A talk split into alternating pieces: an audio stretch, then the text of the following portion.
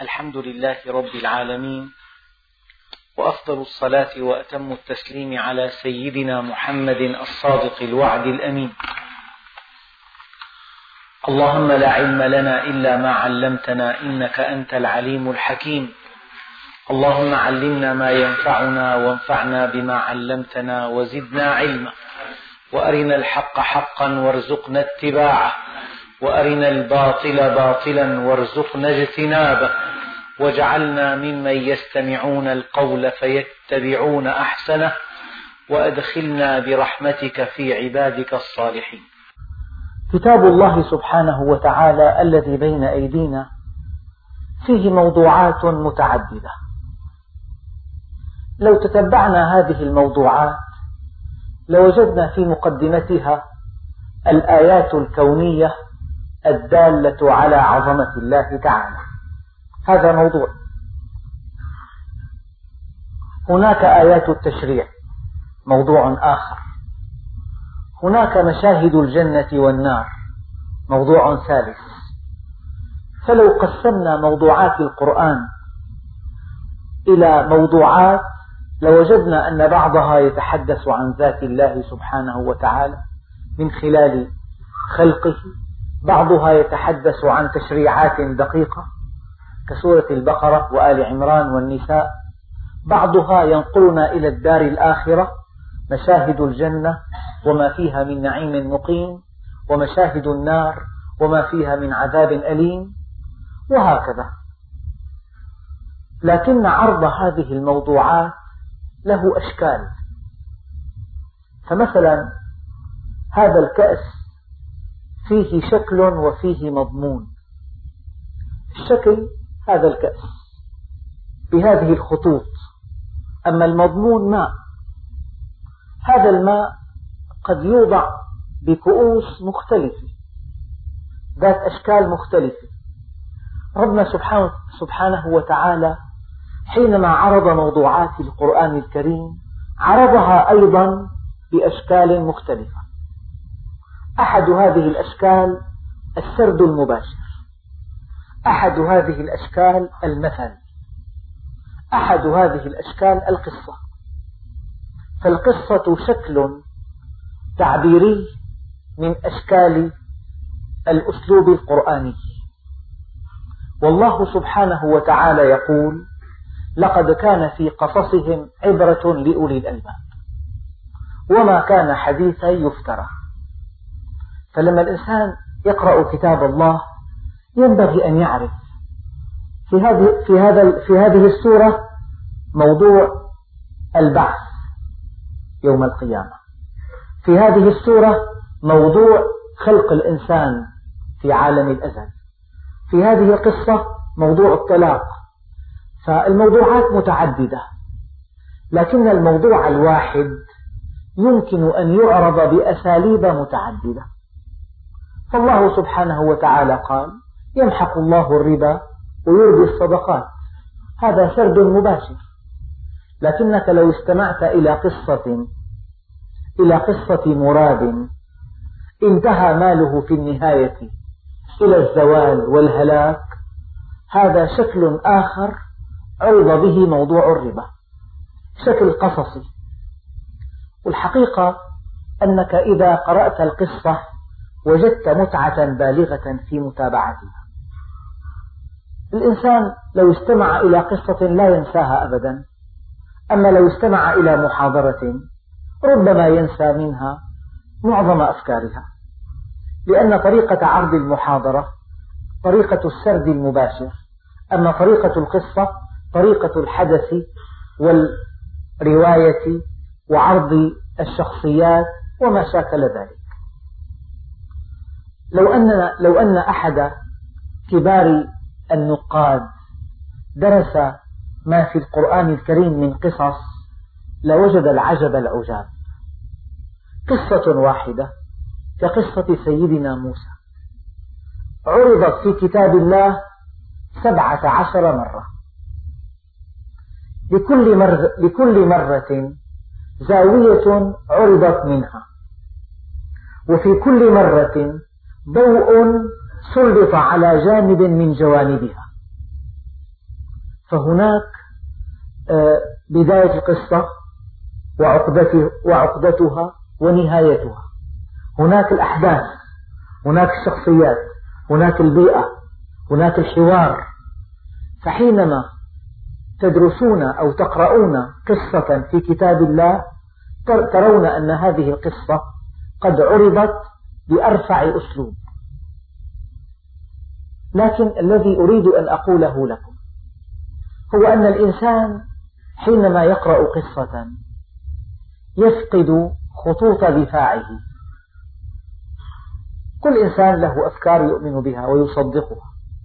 إذا قرأ قصة ما يمكن أن تتسرب إليه قيم هذه القصة من دون أن يشعر. من هنا كانت عظمة فائدة القصة وخطورتها في وقت واحد. قد مثلا قد تقرأ قصة كاتب القصة أسبغ على إنسان معين صفات بطولة. من شجاعة من ثبات مثلا من جرأة من تضحية من بذل. فإذا صور لك هذا البطل الإيجابي بأنه يشرب الخمر مثلا تسرب إلى نفس القارئ وهذا أخطر ما في القصة أن شرب الخمر من لوازم البطولة. لذلك مثل هذه القصص تدمر جيلا بكامله. إذا قرأت قصة أو قصيدة أو عملا أدبيا وشعرت أنه حرك مشاعرك العليا فأنت أمام أدب رفيع. كما أن القصة سلاح خطير جدا بيد الجهلة أو بيد المارقين من الدين أو بيد تجار الأدب أو بيد من سولت لهم نفسهم إضلال المجتمع.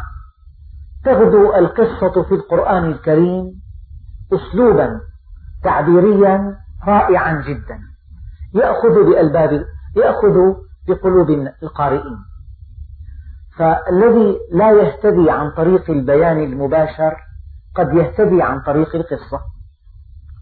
مثل من واقعنا. لو أننا جمعنا سائقي السيارات في بلدة ما وألقينا عليهم محاضرة عميقة جدا عن مضار السرعة. يتأسفون يتململون لا ينتبهون يصرون على أنهم قادة مهرة وسائقون يقظون فإذا رأى أحد السائقين المتهورين حادثا مروعا مؤلما وقد سالت فيه الدماء وبترت فيه الأعضاء هذا المنظر يدخل إلى نفسه إلى المكان الذي يؤثر فيه. ويتعظ. فالإنسان بالقصة يتعظ. ربنا عز وجل قال يعني أن ترى حادثا مروعا بسبب السرعة أبلغ من أن تقرأ كتابا عن مضار السرعة. لأن هذا شيء حيوي مثل حي. لذلك قالوا القصة هي فكرة مع البرهان عليها. فكرة مع البرهان عليها. بجوز أنا أقول لك عن مرادي كيف تدمر ماله؟ هذا أبلغ من أن أقول لك الربا حرام. لذلك المربي المعلم الأب في البيت يستطيع أن يستغل طاقة القصة التربوية إلى أقصى الحدود. إذا جلس أب مع أولاده ليحدثهم وكانوا صغارا حتى ولو كانوا كبارا يستطيع أن يسلك معهم أسلوب القصة. قصة شاب استقام على أمر الله فرفع الله شأنه. سيدنا يوسف مثلا. شاب عبد في قصر. لا يملك من أمره شيئا. ماذا فعل؟ لم يفعل إلا أنه قال إني أخاف الله رب العالمين. معاذ الله إنه ربي أحسن مثواي. جعله الله عزيز مصر. يعني أيها الأب أيها المعلم. أيها الموجه أي إنسان يعني في موقع التوجيه؟ عندك محل في خمس عمال.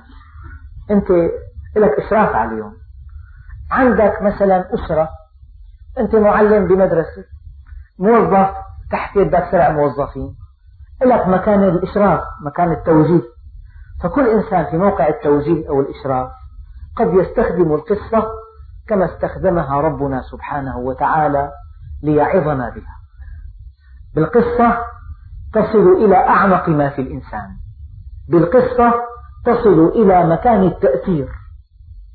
فربنا عز وجل في قصة سيدنا نوح عليه وعلى نبينا أفضل الصلاة والسلام قال واتل عليهم نبأ نوح.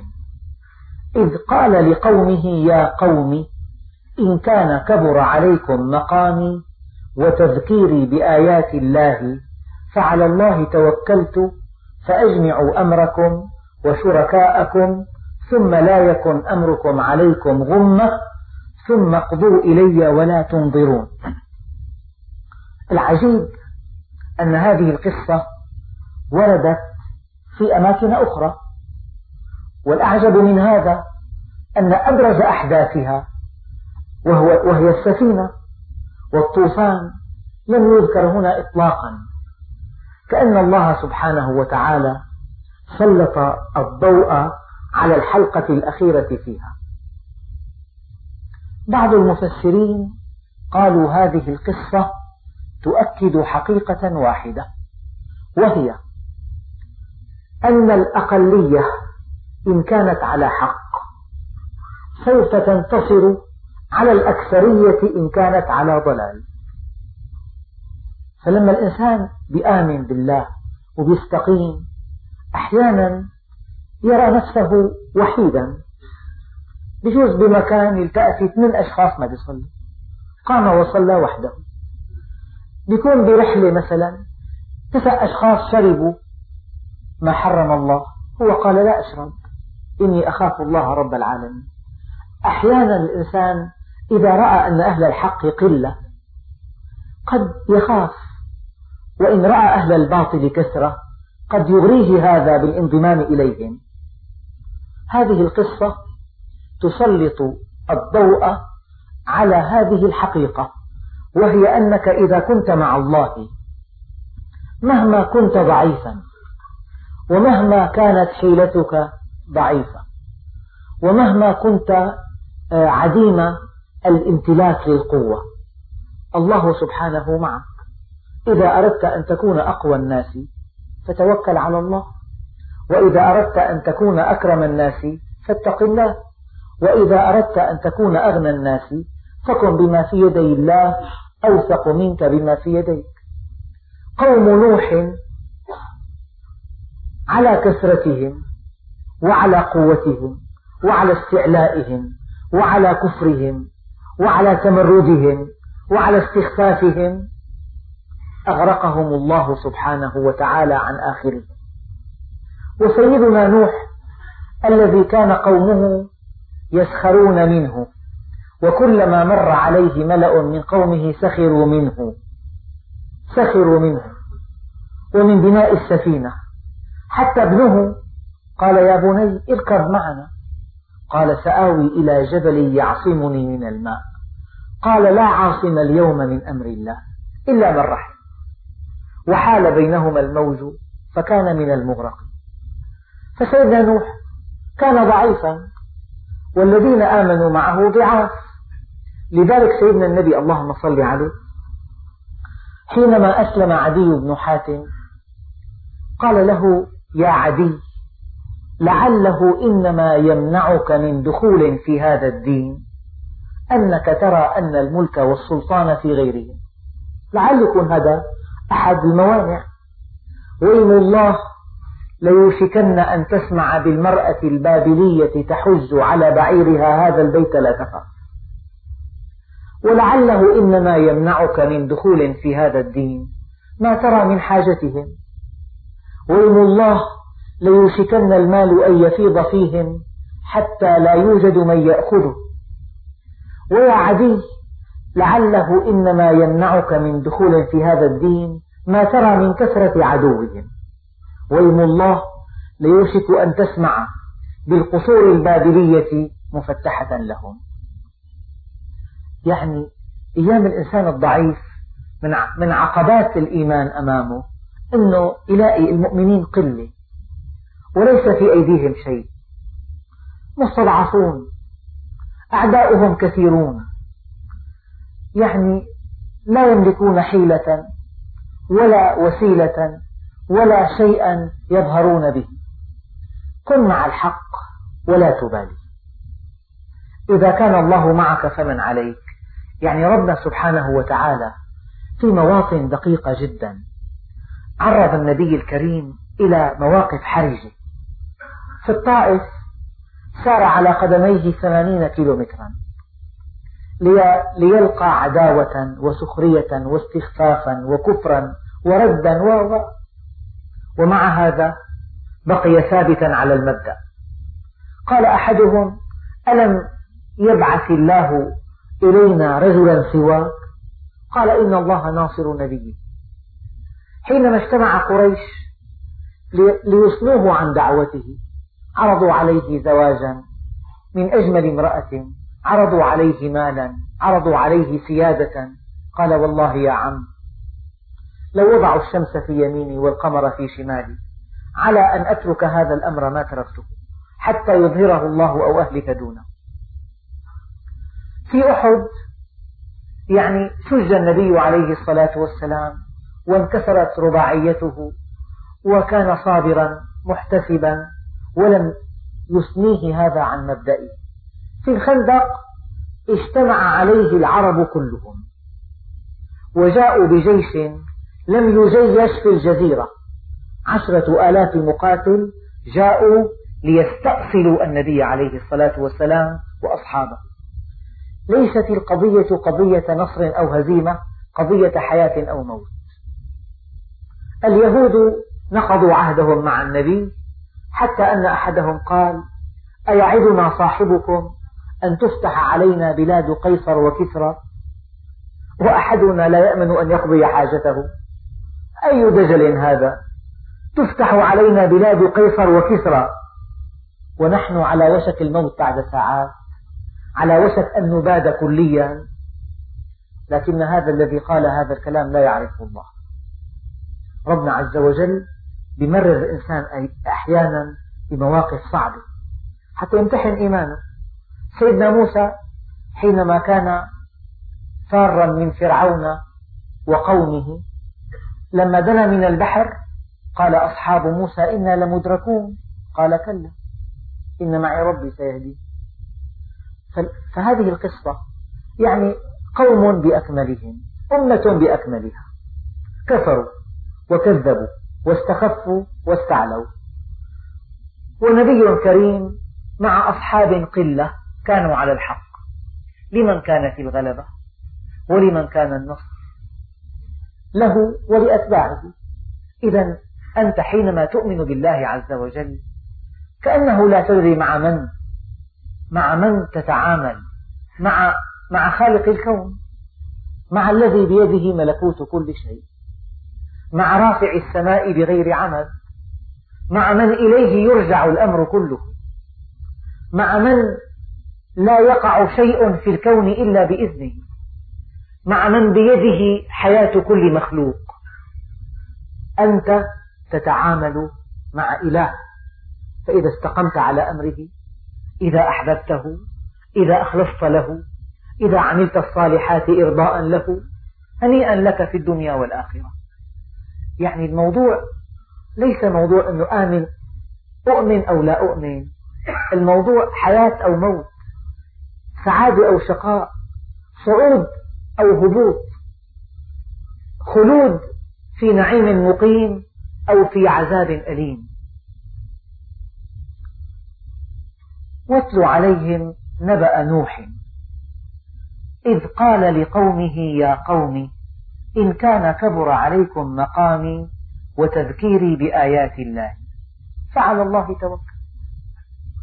يعني معنى كبر عليكم بمعنى ثقل عليكم. يعني دعوتي إلى الله تضايقتم منها ضقتم ذرعا بها لم تحتملوها. إن كان كذلك فعلى الله توكلت يعني افعلوا ما تشاءون. كأن الله سبحانه وتعالى يعرض علينا أعلى مستوى من الثقة بالله عز وجل. يعني افعلوا ما شئتم.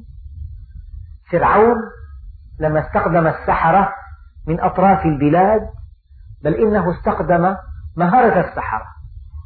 ووعدهم بمناصب عليا إنهم أعانوه على دحض دعوة, دعوة سيدنا موسى. فقالوا أئن لنا لأجرا إن كنا نحن الغالبين؟ قال نعم وإنكم لمن المقربين. فكان هناك إغراء كبير جدا. فلما ألقى سيدنا موسى عصاه فإذا هي ثعبان مبين. وقع السحرة ساجدين. قالوا آمنا برب موسى وهارون. إيمانهم نزل على فرعون كالصاعقة. قال آمنتم له قبل أن آذن لكم؟ إنه لكبيركم الذي علمكم السحر. فسوف تعلمون. فلأقطعن أيديكم وأرجلكم من خلاف ولأصلبنكم في جذوع النخل. إلى آخر الآيات فقالوا لن نؤثرك على ما جاءنا من البينات. والذي فطرنا. فاقض ما أنت قاض. إنما تقضي هذه الحياة الدنيا. إنا آمنا بربنا ليغفر لنا خطايانا وما أكرهتنا عليه من السحر. والله خير وأبقى. هذا هو الإيمان. المؤمن الحق لا تأخذه في الله لومة لائم. المؤمن الحق لا يخاف إلا الله. أتخشون الناس والله أحق أن تخشوه. لكن من هذا الذي يستطيع ألا يخاف؟ وهو لا يعرف الله سبحانه وتعالى. إن الإنسان خلق هلوعا إذا مسه الشر جزوعا. وإذا مسه الخير منوعا. إلا المصلي. هذا المصلي لا يخاف ولا يبخل. التبر عنده كالتراب. إذا واتل عليهم نبأ نوح إذ قال لقومه يا قوم إن كان كبر عليكم مقامي. يعني هذا المقام واحد الله أقامه في مقام. إذا أردت أن تعرف مقامك فانظر فيما أقامك. كلمة موجزة. إذا أردت أن تعرف مقامك فانظر فيما أقامك. يعني هل عملك الذي تعيش منه يعود بالخير على الناس أم بالأذى؟ إن كان يعود بالأذى على الناس فهذا شر مقام. الخير بيدي والشر بيدي فطوبى لمن قدرت على يده الخير والويل لمن قدرت على يده الشر. إذا أردت أن تعرف مقامك فانظر فيما استعملك. فإذا الإنسان عمله في عطاء للناس في خدمة.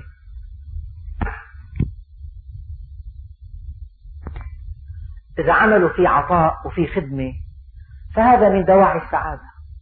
وإذا عمله مبني على سلب أموال الناس وعلى بث الرعب فيهم وعلى ظلم وعلى ظلم فهذا من دواعي الشقاء. كل إنسان له مقام. أيام إنسان بيعيش من مصلحة دنيئة. من مصلحة فيها معصية. من طريقة في التعامل مع أناس فاسقين. إذا واحد فتح مثلا ملهى وباع فيه الخمر وباع فيه اللذة وجمع ملايين هذا بنى رزقه على شقاء الناس. والفتنة أشد من القتل لأن هذا الذي يقتل قد يموت شهيدا. أما الذي يفتن هذا إلى جهنم وبئس المصير. فهذه الكلمة يجب أن نعرف بالضبط حدودها. كل إنسان يمتحن مقامه ألك عند الله مقام. هذا المقام محبب إذا جعلك في خدمة الخلق. المقام غير محبب جعل تأديب الخلق على يديك. يعني الإنسان قبل أن يوافق على عمل ما يجب أن يعد للمليون. هل في هذا العمل أذى للمسلمين؟ هل فيه ضرر؟ هل فيه يعني شيء يتعبهم؟ أم أن فيه نفعا للمسلمين؟ يمكن إنسان يبيع حاجات تفسد حياة الناس تفسد عقائدهم. تفسد إيمانهم تفسد وجهتهم إلى الله عز وجل. قبل أن تقبل عملا ما عد للمليون. يعني ابحث في له وجه حرام في له مؤدى حرام له آثار محرمة له أسباب محرمة. لأنه لما الإنسان يكون عمله نظيف وبيته نظيف أغلب الظن أنه يسعد أغلب الظن أن العقبات الأخرى تغدو ثانوية جدا. ما دام العمل نظيف وبيتك نظيف ما بقى في مشكلة. أما إذا كان زوجة فاسقة يعني غير منضبطة هذه تسبب مشا... شقاء لا ينتهي. لذلك قال عليه الصلاة والسلام إياكم وخضراء الدمن. قالوا وما خضراء الدمن؟ قال المرأة الحسناء في المنبت السوء شيئان لاصقان في الإنسان. عملك وزواجك فإياك أن تتسرع في موافقتك على الزواج من امرأة ما. قد تكون شريرة قد تكون فاسقة قد تكون قد نبتت نباتا سيئا. قد تكون قد نشأت في بيئة سيئة دنيئة. لذلك النبي عليه الصلاة والسلام حذرنا من المرأة الحسناء التي نشأت في منبت سيء. فأنا علقت هذا التعليق على كلمة مقامي. كل إنسان يعرف ما مقامه عند الله. في قول آخر إذا أردت أن تعرف ما لك عند الله فانظر ما لله عندك. وفي قول وفي آية أخرى تقول ومن الليل فتهجد به نافلة لك عسى أن يبعثك ربك مقاما محمودا. هذا المقام المحمود في مقام أوحد لرسول الله. اللهم صل عليه. سلوا لي الوسيلة. فإنها مقام لا ينبغي إلا لواحد من خلقه. وأرجو أن أكون أنا. اللهم رب هذه الدعوة التامة والصلاة القائمة. آتي سيدنا محمدا الفضيلة والوسيلة. هذا أعلى مقام. لكن لا يمنع هذا من أن يكون لكل مؤمن عند الله مقام. أنت دعيت إلى الله هديت ثلاثة مقامك مقامك قوته ثلاثة. هديت خمسة خمسة. مية مية ألف ألف. سيدنا عمر قال ما أنا إلا حسنة من حسنات أبي بكر. كل حجم سيدنا عمر حسنة من حسنات سيدنا أبي بكر. قال عليه الصلاة والسلام لو وزن إيمان الخلق مع إيمان أبي بكر لرجح. قال ما ساءني قط. قال أعطاني ماله. وزوجني ابنته. وما ساءني قط فاعرفوا له ذلك. قال تسابقنا تسابقت أنا وأبو بكر. فكنا كهاتين. في أعلى شهادة لسيدنا الصديق رضي الله عنه. قال ما صب في صدري شيء إلا وصببته في صدر أبي بكر. ما صب في صدري شيء من تجليات من علم من رحمات إلا وصببته في صدر أبي بكر. سدوا علي كل خوخة إلا خوخة أبي بكر. قرأت هذه الكلمة هذا الحديث الشريف في بعض زوايا الحرم النبوي الشريف. الواحد شغلته بالحديد أحيانا بالنجارة إيده خشنة. إذا كان بيشتغل مثلا بالحرير ناعمة فقال وبها جرح من عمل يدي وبها جرح. فقال النبي عليه الصلاة والسلام إن هذه اليد لا تمسها النار. تقديس العمل لا تكن عالة على أحد. اليد العليا خير من اليد السفلى لأن يأخذ أحدكم أحبله. فيحتطب به أفضل من أن يسأل الناس أعطوه أو منعوه. قيمة المرء ما يحسنه. إني إذا سمعت أن الرجل لا عمل له سقط من عيني. الصحابة الكرام رأوا رجلا قبيل الشمس يغدو خارجا من بيته. فاتهمه بعضهم بحب الدنيا. فقال النبي عليه الصلاة والسلام إن كان خرج في هذا الوقت ليسعى على عياله فهو في سبيل الله. وقال عليه الصلاة والسلام من بات كالا في طلب الحلال بات مغفورا له ولحكمة بالغة جعل الله سبحانه وتعالى الرزق الحلال صعب. وجعل الرزق الحرام سهل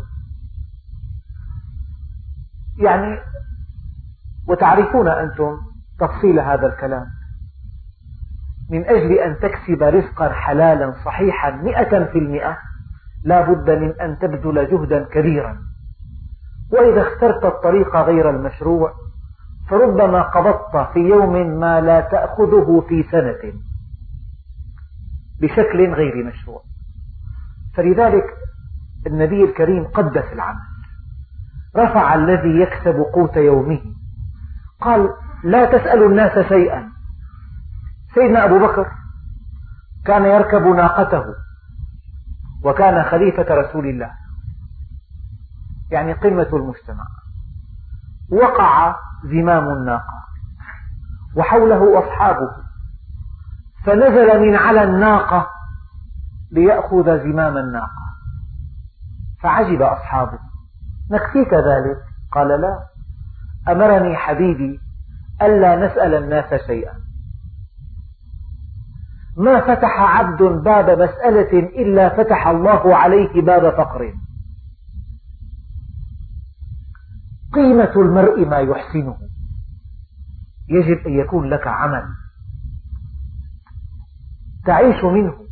من أجل أن تضرب للناس مثلا أعلى في البذل والعطاء سيدنا رسول الله أول ما نشأ أخذ مال خديجة وتاجر به وقال علماء الفقه هذه أول شركة مضاربة في الإسلام. هي بمالها وهو بجهده. وكان راعيا واشتغل بالرعي فلما الإنسان يتقن عمله أنا أقول لكم إتقان العمل جزء من الدين لا يتجزأ. إن الله يحب من العبد إذا عمل عملا أن يتقنه. إنما أهلك الصنعة قول غد وبعد غد. إتقان العمل تنفيذه في وقته المضروب جزء أساسي من دين الإنسان. ويحسب الجهلة أن الدين بالصلاة والصوم فقط. لا والله الدين في إتقان عملك. الدين في إنجازه في الوقت المحدد. الدين في الصدق. الدين في المعاملة. الدين في الورع. الدين في خدمة الناس. الخلق كلهم عيال الله. وأحبهم إلى الله أنفعهم لعياله وربنا عز وجل بالمرصاد يحاسب كلا على عمله. دخل شخص له سيارة فيها عطل لعند خبير بهالعطل طلب منه عشرة آلاف ليرة. هذا صاحب السيارة غشيم رضي بهذا السعر. فلما خرج قال هذا الرجل الغاش لجاره هكذا هكذا الربح هكذا البيع والشراء هكذا المشارطة. قال له حرام عليك. سعر فاحش جدا. قال هو لا يعلم. ابن هذا الرجل يعمل في مخرطة. دخلت آه، نسرة فولاذ في عينه. فكلفته عشرة آلاف ليرة في اليوم التالي. قال له يا ربي لقد عصيتك ولم تعاقبني. قال له عبدي قد عاقبتك ولم تدري. كله محسوب إن ربك لبالمرصاد. فلذلك الإنسان لما بده يتعامل مع, مع الناس عليه أن يضع خوف الله بين عينيه. فإذا خاف الله في تعامله مع الناس لن يبعث الله له أحدا يخيفه. له هات هويتكم في معنى. لن يبعث الله له أحدا يخيفه في التعامل مع الناس.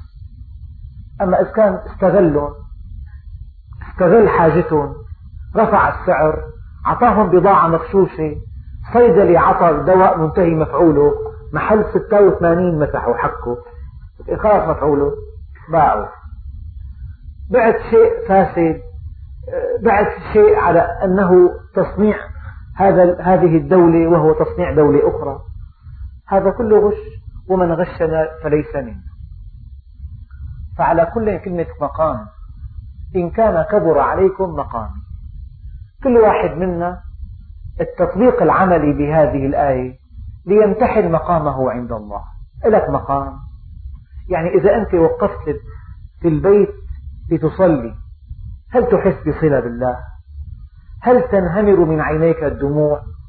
هل يقشعر جلدك لخشية الله؟ لك مكان؟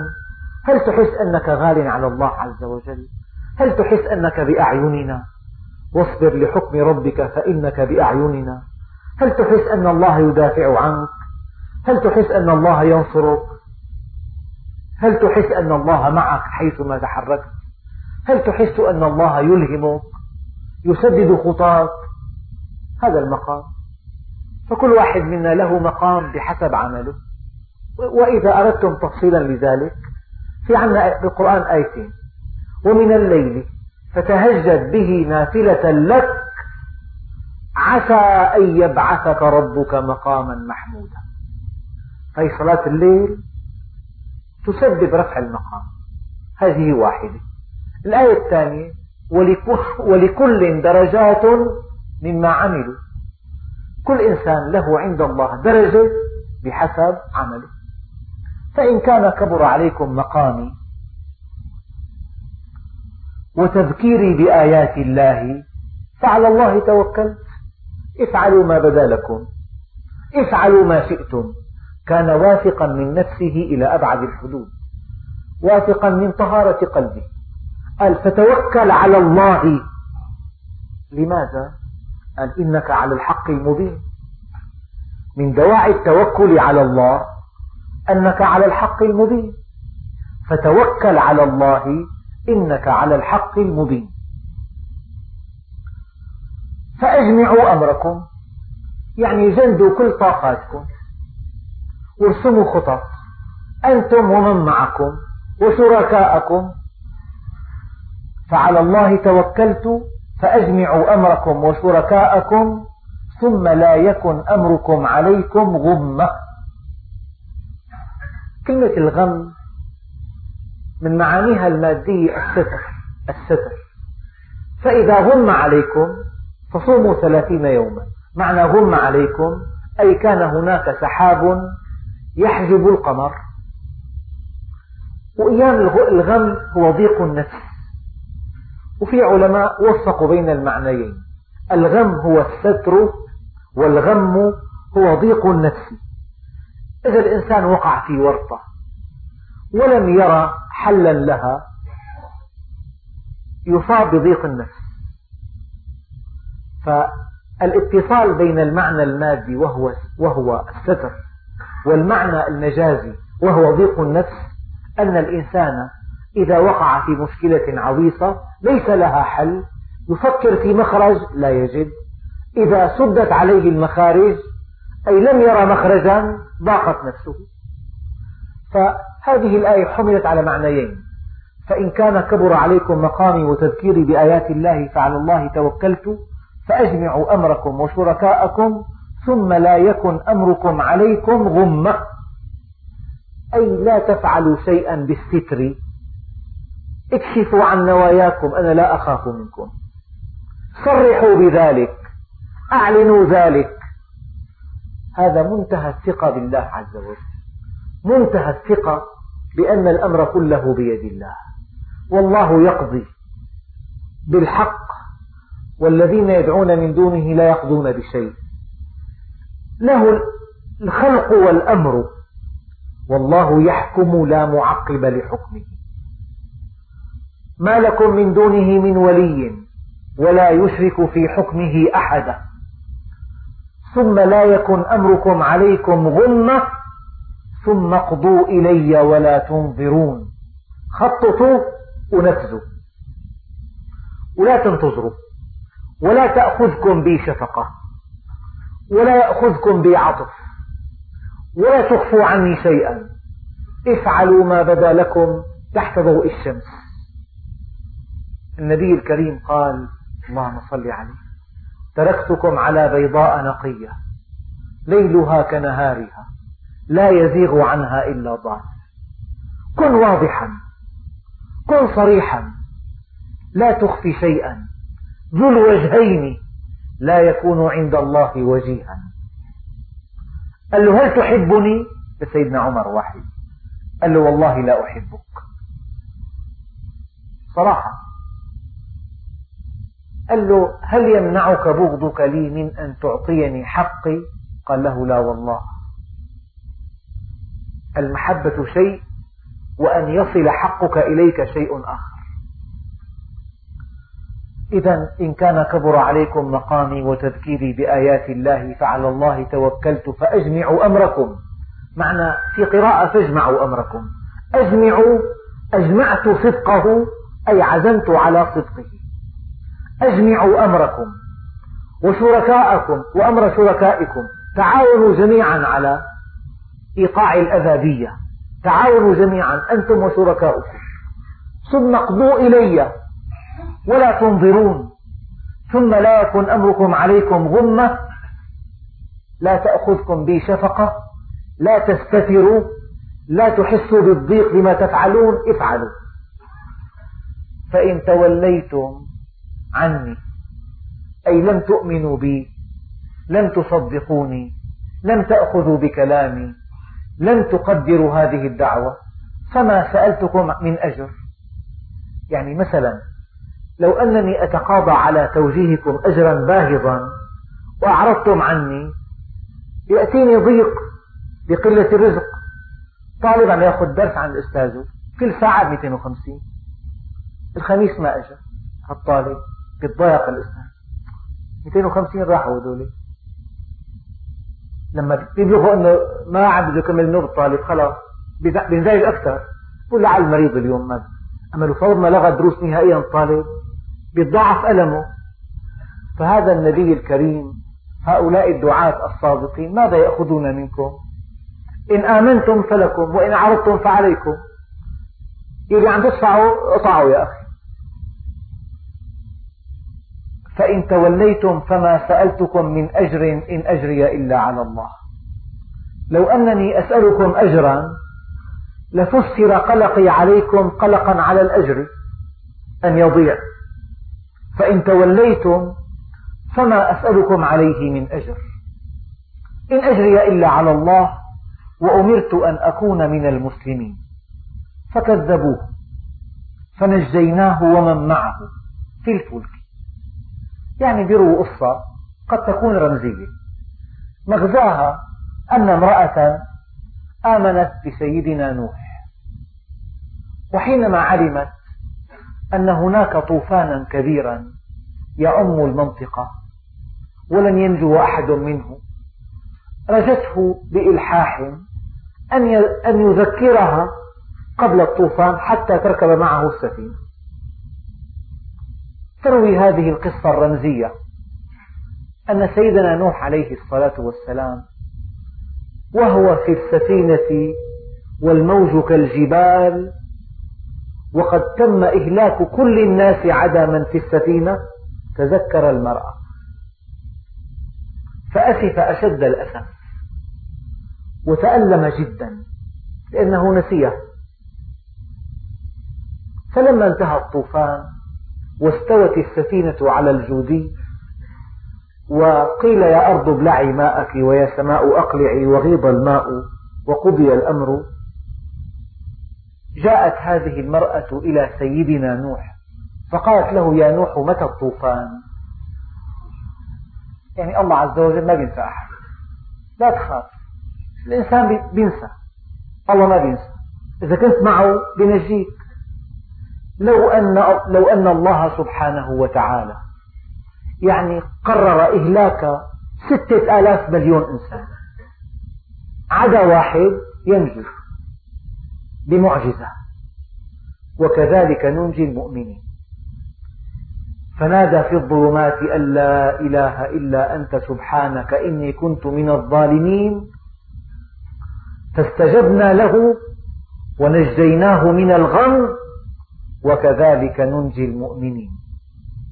يعني أنا الذي أراه أن الذي يثبت المؤمن على الحق غير أن الحق منطقي وغير أن الحق يلبي كل حاجات الفكر وغير أن الحق يعطي تفسيرا متكاملا للحياة. تفسير متكامل. يفسر الحياة ما بعد الحياة الموت ما بعد الموت طبيعة العمل الصالح الأسرة فضلا عن أن الحق يعطي تفسيرا شافيا كاملا متماسكا صحيحا. وفضلا عن أن الحق يلبي حاجة الفكر البشري. وفضلا عن أن الحق منطقي واقعي.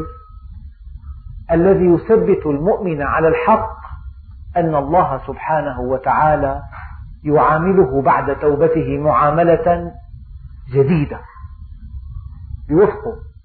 يقول لك كان بيتي جحيم صار نعيم. كنت أشكو من علل كثيرة فشفاني الله منها. كان عملي صعبا فصار سهلا. كانت نفسي تزيغ في الطريق فتوحدت وجهتها. كان لي مع زوجتي كل يوم مشكلة فأصبحت زوجتي مثالية. وأصبحنا زوجين سعيدين. هذا كله بفضل الحق. يعني ربنا عز وجل لما الإنسان بتوب توبة نصوحة بيعامله معاملة خاصة. لا يغير الله ما بقوم حتى يغيروا ما بأنفسهم. فإن توليتم فما سألتكم من أجر إن أجري إلا على الله وأمرت أن أكون من المسلمين فكذبوه فنجيناه ومن معه في الفلك وجعلناهم خلائف في الأرض يعني. وأغرقنا الذين كذبوا بآياتنا فانظر كيف كان عاقبة المنذرين. فالإنسان يكون مع الأكثرية مع الأقلية المؤمنة لا مع الأكثرية الفاسقة. الكلمة الوحيدة الآن أخي الناس كلها هيك. لحالك منيح أنت؟ كن مع الأقلية المؤمنة لا مع الأكثرية الفاسقة. وإن تطع أكثر من في الأرض يضلوك عن سبيل الله. وما يتبع أكثرهم إلا ظنا وإن الظن لا يغني من الحق شيئا.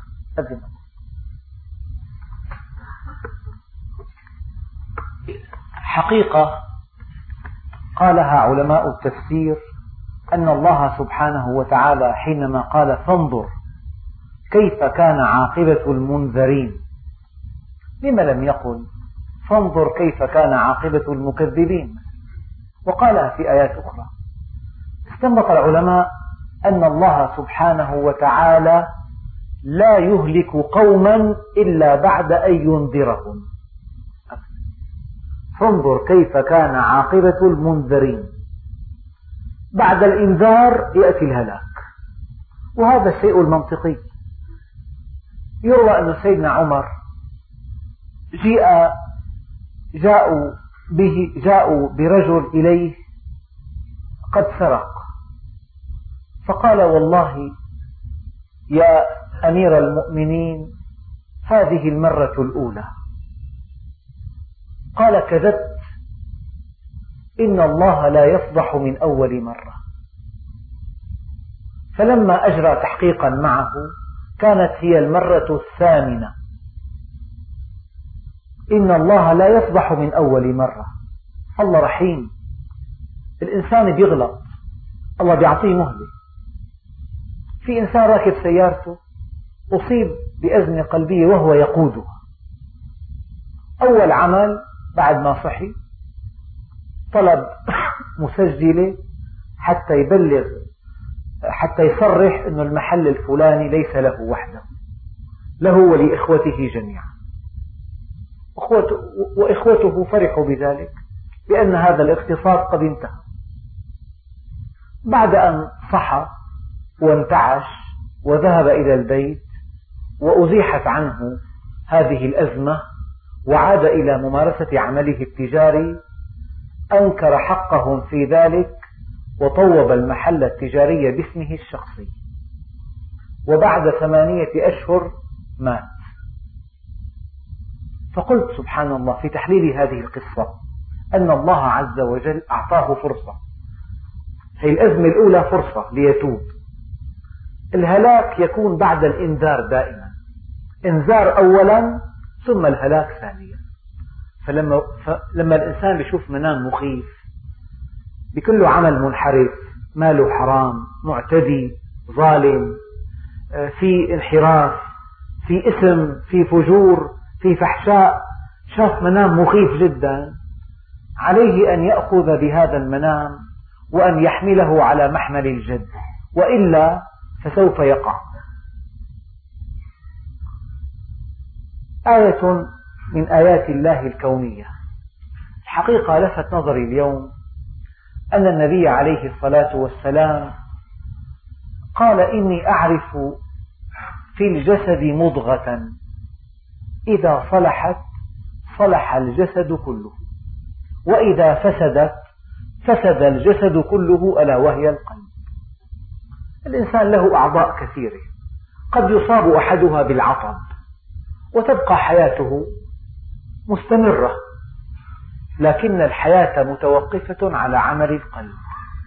فإذا أصيب القلب بالعطب انتهت الحياة. لذلك علماء القلب. قالوا إن أربعة أشياء أربعة أشياء تقي من أمراض القلب. أولها بذل الجهد. بذل الجهد. النبي الكريم قال علو الهمة من الإيمان. ما أنتم بأقوى مني على السير. في المعركة سار وركب صاحبه. في الخندق حفر. كان يكنس بيته ويرفو ثوبه ويحلب شاته ويخصف نعله وكان في مهنة أهله وكانت همته عالية. وكان يقول لأن أمشي مع أخ مؤمن في حاجته أفضل من صيام شهر واعتكافه في مسجدي هذا. كثير في أحاديث أثنى, أثنى فيها على بذل الجهد. إن هذه اليد لا تمسها النار. لماذا؟ لأنها خشنة من العمل اليدوي. فالعلماء قالوا أول شيء يقي القلب بذل الجهد. الشيء الثاني راحة النفس. أحد أسباب مرض القلب التوتر النفسي. فأكبر أسباب التوتر الشرك بالله. فلا تدع مع الله إلها آخر فتكون من المعذبين. عجبت لأمر المؤمن إن أمره كله خير. إن أصابته سراء شكر فكان ذلك له خير. وإن أصابته ضراء صبر فكان ذلك له خير. وليس ذلك لغير المؤمن. راضي مستسلم هم الأحبة إن جاروا وإن عدلوا. فليس لي عنهم معذر وإن عدلوا. والله وإن فتتوا في حبهم كبدي باق على حبهم راض بما فعلوا. هذا كلام الأطباء. أول شيء بذل الجهد. الشيء الثاني الراحة النفسية والبعد عن التوترات العصبية. الشيء الثالث نوعية الطعام. الشيء الرابع حجم الطعام. قال عليه الصلاة والسلام ملخصا الطب الوقائي كله في كلمات نحن قوم لا نأكل حتى نجوع وإذا أكلنا لا نشبع. يعني قبل الشبع. وقال بحسب ابن آدم لقيمات يقمن صلبه فإن كان لا بد فاعل فثلث لطعامه وثلث لشرابه وثلث لنفسه وما ملأ ابن آدم وعاء شرا من بطنه. والبطنة تذهب الفطنة والخير كله مجموع في خزائن الجوع. فأنا اليوم حللت هذه القواعد الأربعة التي انتهى بها أحد مؤتمرات الطب بذل الجهد والراحة النفسية ونوع الطعام وكمية الطعام. هذه كلها متوافرة في توجيه النبي عليه الصلاة والسلام. هذه كلها في الطب الوقائي. فهذا القلب الذي ينبض بعد الشهر الأول وأنت في رحم الأم إلى نهاية الحياة. باليوم بينبض مئة ألف نبضة. مئة ألف. بالشهر ثلاث ملايين. بعمر 80 سنة 280 ألف مليون نبضة. دون كلل ولا ملل. القلب لا ينام. لا ينام أبدا. ففي له مواصفات له احتياطات له مركز تنبيه كهربائي ذاتي له صمامات له تروية خاصة له تنبيه عصبي خاص. شيء في منتهى التعقيد. من أجل أن تستمر الحياة. لذلك قال عليه الصلاة والسلام أعرف في الجسد مضغة إذا صلحت صلح الجسد كله وإذا فسدت فسد الجسد كله ألا وهي القلب. صحة القلب تأتي من هذه التوجيهات النبوية. أول بدعة ابتدعها المسلمون بعد وفاة رسول الله الشبع. أول بدعة. لما الإنسان يعتدل بالطعام والشراب يعيش حياة ثانية ما كان يعرفها من قبل. حياة النشاط حياة القيام للصلاة خفيفا حياة العبادة الراقية حياة الإخلاص هذا كله يحس به إذا طبق قوله تعالى وكلوا واشربوا واشربوا ولا تسرفوا. يعني الحديث عن القلب في له مئات, مئات ألوف الكتب. ما في موضوع الآن يستأثر باهتمام البشر كموضوع القلب. والنبي عليه الصلاة والسلام علمنا كيف نقي هذا القلب العطب والعطب. والحمد لله رب العالمين. الله الرحمن الرحيم. الحمد لله رب العالمين. وأفضل الصلاة وأتم التسليم على سيدنا محمد الصادق الوعد الأمين.